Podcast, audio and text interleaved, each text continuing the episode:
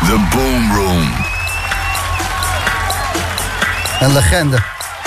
Al meer dan 30 jaar verantwoordelijk gewoon voor dikke techno, voor dikke rollers, voor alleen maar goede muziek. Bizar dat hij er vanavond bij kan zijn in de Boomroom. Even een bijzonder radiomomentje. Waar je gewoon op mag dansen, wegtrekken, vuistpompen, gaan. Slam de Boomroom ADE. Dub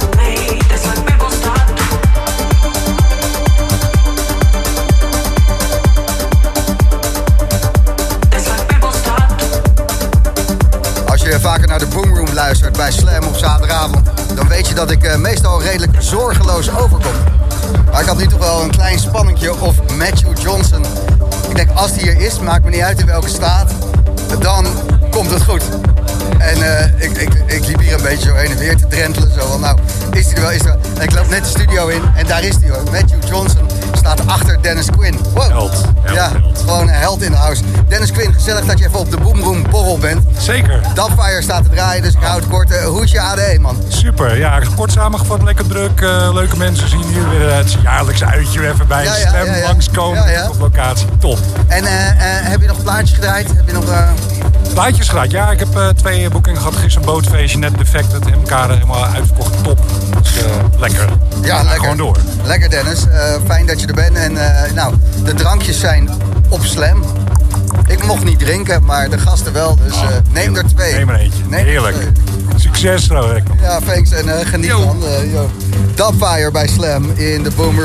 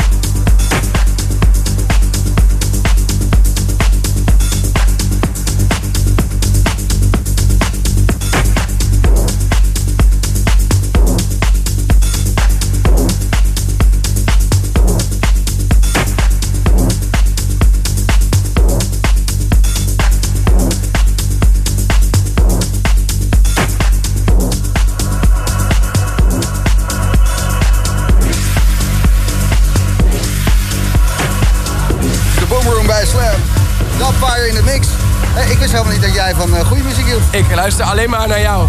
Jij bent uh, een nummer 1 hitscorer op uh, Spotify. Jazeker. En nu sta je gewoon te rocken... Op de lekkerste hits van heel Nederland. Max Bolhuis. Leuk. Heb je, heb je lekker ADE'tje? Ik heb een heerlijk ADE. Ik ben zo mega aan het genieten, man. Ik mega aan het genieten. Jij? Ik vind het fantastisch. Echt lekker. Goed, Matthew Johnson hoor je om 10 uur. En dit is Dubfire.